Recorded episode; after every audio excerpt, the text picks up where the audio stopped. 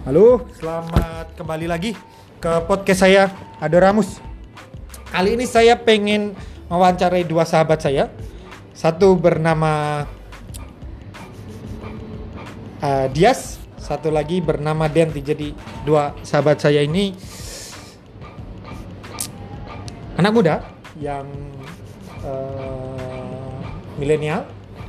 Jadi mungkin bahasan kali ini tentang hal-hal yang berkaitan tentang milenial.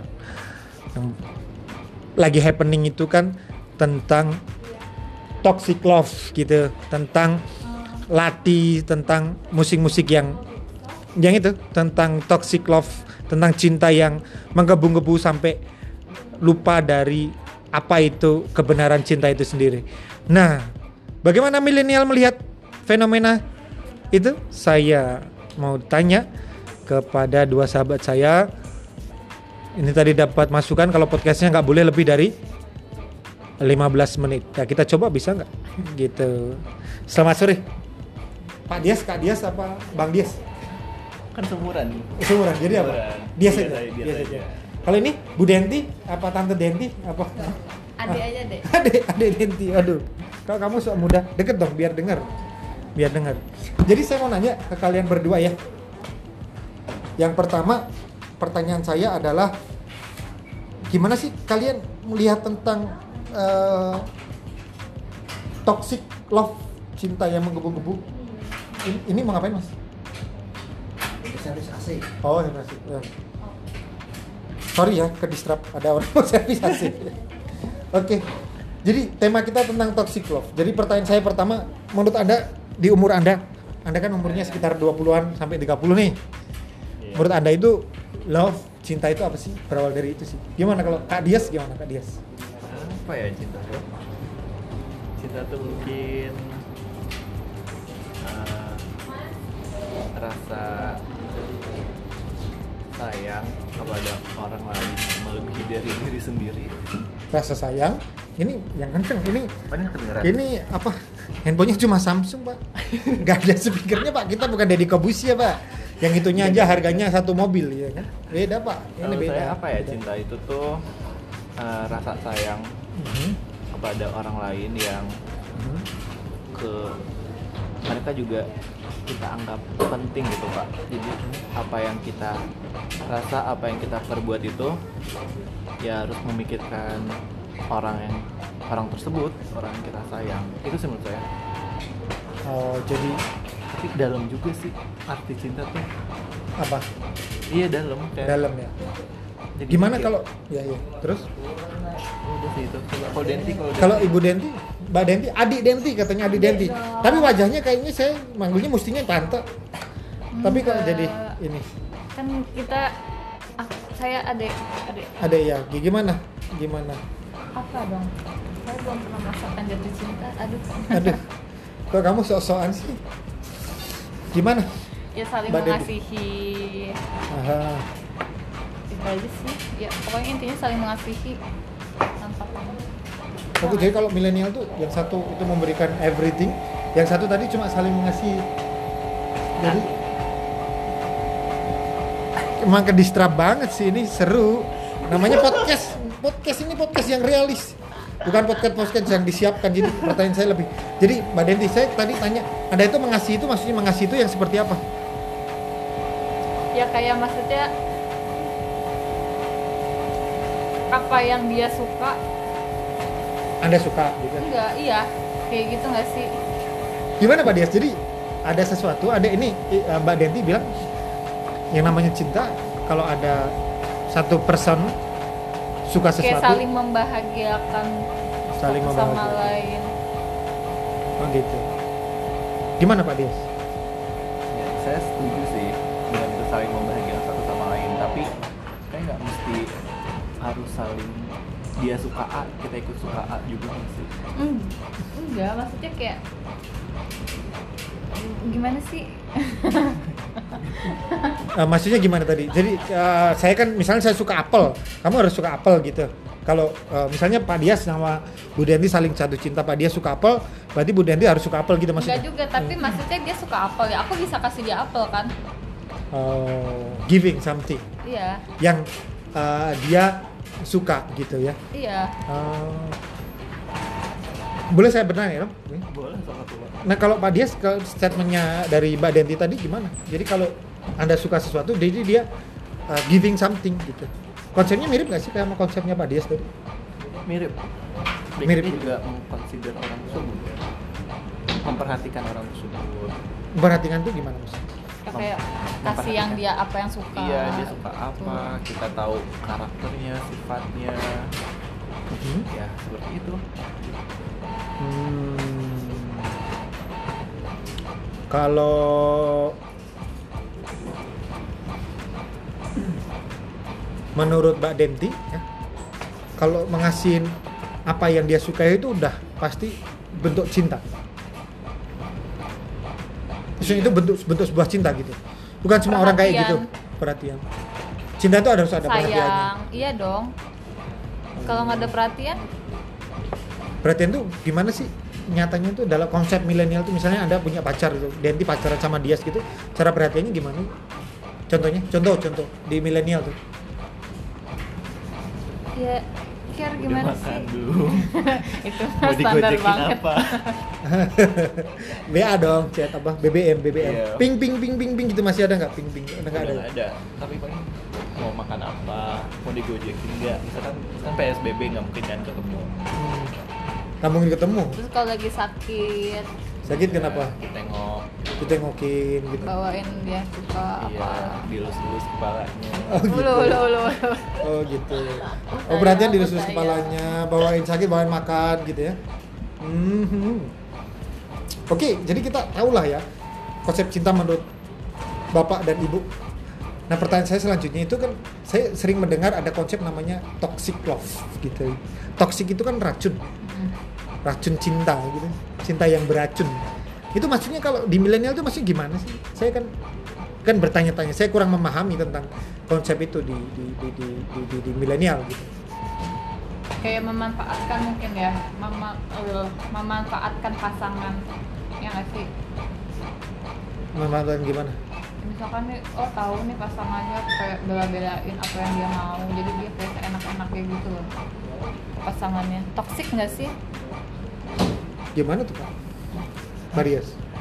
ngerti nggak sih bikin mikir ya Kayak gimana? Contohnya gimana? Contoh, contoh, contoh realnya. Ya, handphonenya tutup dulu. Kerja, Pak. Ya, kita kan wawancara dulu 30 menit. Kayak mana? ya itu maksudnya kayak Kan untuk konten saya biar saya bisa makan gila ih.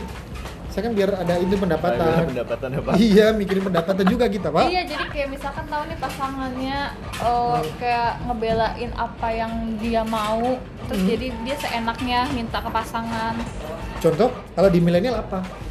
Apa disebut toxic love?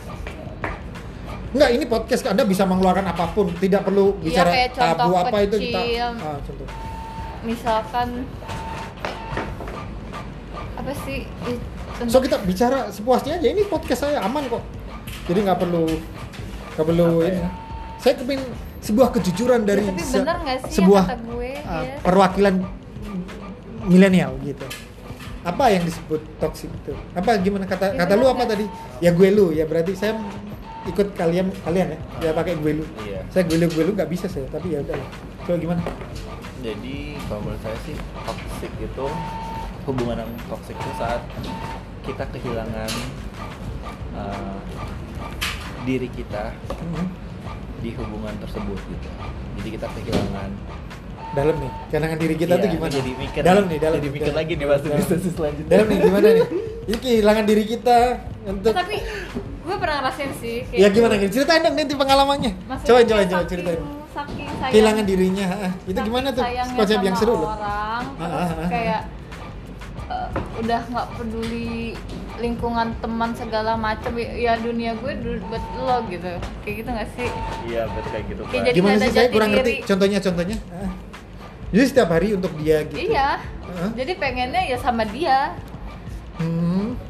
jadi kayak terus kalau kumpul tuh kepikirannya dia gitu. Kumpul itu maksudnya kumpul, sama teman lain. Ah. teman kita Ah, ah, ah. kayak gitu nggak sih iya jadi itu misalnya temen Itu ngajak berapa ratus halaman, Bapak?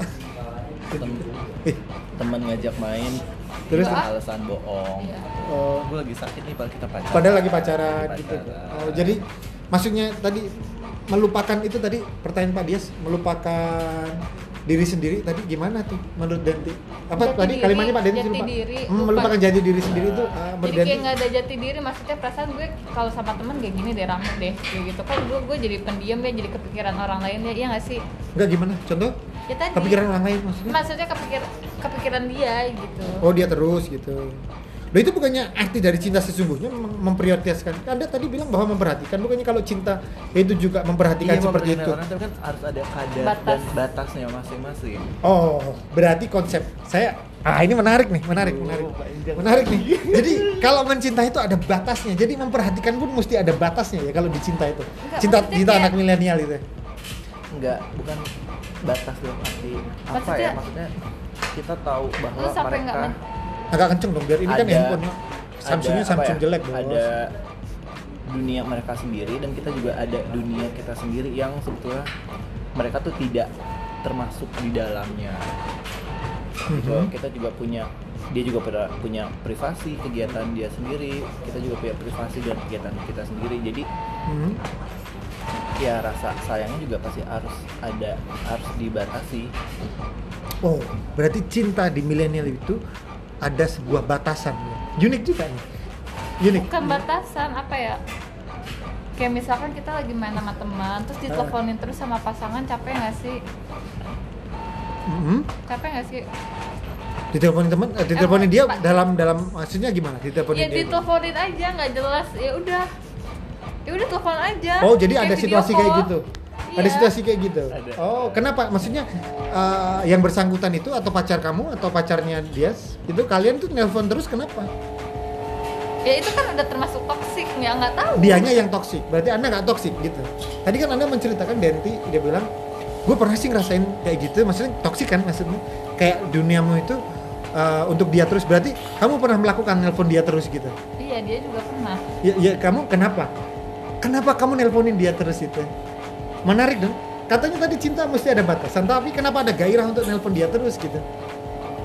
takut pak Takut Takut kenapa? diselingkuhi iya Takut soalnya udah pernah Lu kalian udah bisa selingkuhin. Ah, gimana? Iya, Takut soalnya- diselingkuhin tuh soalnya gimana? udah pernah diselingkuhin gitu jadi kayak Hah? nggak percaya jadi kalau mau main paling nggak laporan dulu Laporan dulu. Jadi kalau kita pergi ke mana harus ngomong ke pasangan kita gitu.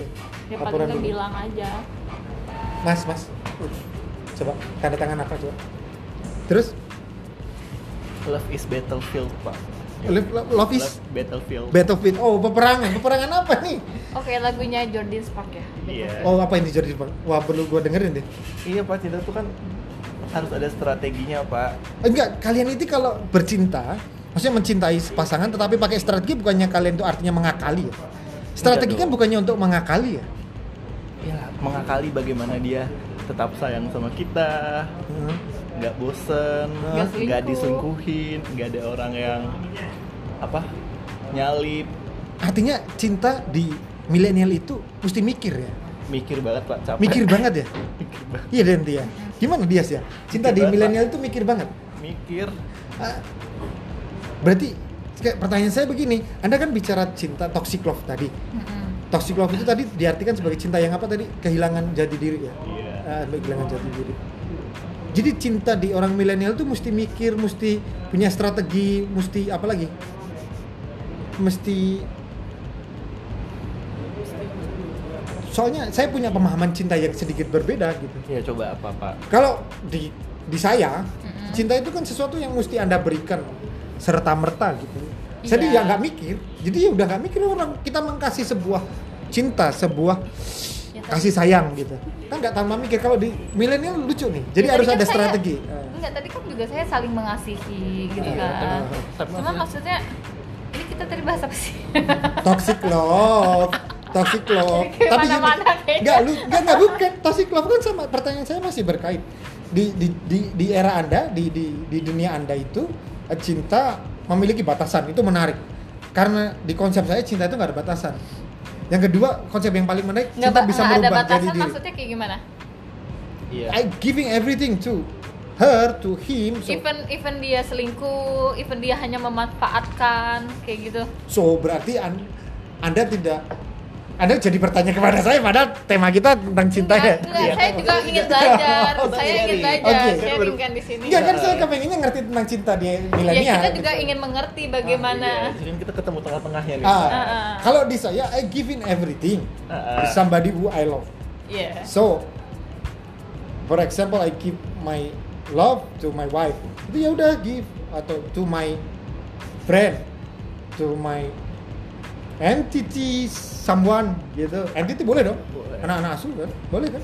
So giving Tapi kan beda pak, cinta yang dikasih ke istri, ke kawan, ke harus anak, dibedakan. kan- Ya, oh kalau ke istri, dong. I give everything what I consider to. Ada kata consider loh di situ. Berarti enggak. Okay. I give everything what I did Ya karena in ada. this world. Iya, Nah, kalau ka- suami istri kayaknya udah ada ini nggak sih? Oh beda ya kalau suami istri. Kalau kita kan Beda. kayak masih pacaran Pacaran. ngapain sih? Oh, saya dulu waktu pacaran juga I give everything to my girlfriend, everything. loh. Saya nggak mengharapkan kayak nggak pakai strategi-strategian juga, jadi kayak ya udah pacaran. Gitu. Iya. Nah, Iya, emang pacaran ya pacaran sih pak. Tapi kan Hmm. ini ada sih batasan-batasan tadi, terus ada- kemudian merubah jadi diri tadi kan menarik tuh. Terus Iya. kemudian apa yang anda itu kan menarik tuh. Ada di saya kalau milenial. Emang orang tersebut cinta sama lo, lo Hmm. nggak perlu merubah diri lo atau kehilangan jati diri lo gitu. Ini yang non toxic love maksudnya. Jadi kalau yang toxic love kan merubah tuh. Jadi seharusnya toxic love itu nggak boleh. Saya malah berpretensi berpura-pura toxic toxic love itu boleh. Nyari drama nih berarti. bukan kan bukan sesuatu konsep yang keliru kan Sama yang keliru kan? Apa kan love memang keliru? Kan saya tidak tidak dalam bahasan ini saya nggak nggak bertanya apakah love benar atau salah kan? toxic love dong. oh enggak. Saya konsep ini saya pengen diskusikan bukan sebuah benar dan salah gitu. Awalnya loh tapi kayaknya dua milenial ini membawa toxic love kepada sebuah kesalahan kebuah sebuah value yang uh, adiktif dan jelek gitu loh menarik loh jadi anda melihat toxic love itu sebuah, sebagai sebuah hal yang negatif gitu Iya, ya kan negatif. Iya kan Iya kan Iya karena bikin capek hati sendiri gitu loh pak. Uh, Bikin capek, aduh. Nah, makanya saya- tanya, berarti kalau konsep cinta menurut kalian yang ideal kayak mana kalau toxic love itu? Nah boleh? ini saya lagi mencari pak. saya jujur juga masih mencari siapa mungkin se- Nggak sekarang lah. Sekarang kan kan kan gini, Anda kan sudah membuat values bahwa toxic love itu negatif. Oke. Artinya Anda punya konsep positifnya dong. Iya. Dan namanya Anda bilang negatif artinya Anda melakukan eh, pendekatan positivis. Anda membandingkan sesuatu dengan sesuatu. Makanya Iya. ada negatif, ada positifnya Positif. dong. Nah, Betul. sekarang menurut Anda cinta yang ideal di kaum milenial itu yang seperti apa? Menurut Pak Dias gimana? kalau menurut saya ya sama pacaran pada umumnya Iya, ya. Maksudnya Iya, umumnya sama. maksudnya gimana? Iya, Lebih maksudnya- detail dong. Biar pendengar saya itu mengerti, mungkin Maksudnya, ya, mempraktekkan. pacaran pada umumnya ya saling chattingan tapi juga Se- saling settingan. saling chatting chatting, Chatting, saling kirim pesan teleponan gitu terus ya jalan kalau ketemu bisa nonton makan bareng ya ngapain lah berdua masalah bapak apa? nah tapi juga ada batasan gitu kasih pasangan Ruang. kalian ruang buat mereka berkembang sendiri misal mau main sama teman-temannya boleh ngejalanin hobinya silakan gitu Iya, gitu sih itu menurut Terus? saya yang ideal Terus Tapi yang namanya hidup ya nggak sih pasti ada aja masalah. Beda. ya enggak yang menurut Pak Pak Dias tadi yang ideal tuh ya itu bukannya bukan sesuatu yang berbeda dari Oh yang ideal tuh ya chatting apa. Iya. Jadi tetap kasih ruang tadi ya bedanya Tetap ya, kasih kasih ruang. ruang. Kalau menurut Ibu Denti gimana? Ya sama. Sama ya. Maksudnya support satu lang- sama lain hobinya apa kita support bukannya malah bukannya malah apa namanya saling menjelekkan gitu loh Maksudnya? saling menjelekkan misalkan eh, hobi lo tuh gini-gini loh lo tuh jangan gini loh gitu I don't quite understand tuh maksudnya. Nanti nggak sih dia coba. Jangan ngatur gitu. Oh. ya maksudnya bukan iya kita misalkan punya hobi. Loh, kalau kita mencintai bukannya kalau kita melihat se- di sesuatu yang jelek, ya kita harus kritik dia. kritik boleh tapi kan tidak boleh. Menjudge. Bukan menjat sih kayak Kok dia punya hobi hobinya narkobaan? Gila lo kalau kita Ya, itu kalau bukan itu kan hobi ya, itu mah udah pasti. Ya maksudnya dia punya hobi, hobinya suka balapan. Yang mana balapannya itu membahayakan diri, menghabiskan uang yang tidak bermanfaat sehingga dia kerjanya tidak jadi fokus dan sebagainya. Bukannya sebu- sebuah pasangan itu Iya. mestinya memberikan feedback yang baik juga gitu. Yang Gimana Anda mencintai yang gini. Hmm. yang kamu misal balapannya di weekend aja kan Senin sampai Jumat kamu Kerja. kerja, kuliah atau apalah gitu Oh, kan satu jadi minggu kamu juga ya. juga bisa ambil tengahnya Ah, Hmm. gitu nggak mesti kayak udah nggak usah balapan ngapain lu balapan bla bla bla bahaya nggak Oh. kerja juga gitu. Oh, oke. Kalau Bu Denti gimana? So last word, my question is, kan kita tadi bicara toxic love. Jadi menurut kalian kalimat terakhir dari toxic love itu menurut kalian apa? Setelah itu menurut kalian cinta yang dibayangkan itu seperti apa sih? Gitu. Last word. Satu dua kalimat. Toxic love is toxic love itu merusak mental. Jauhin aja tinggalin.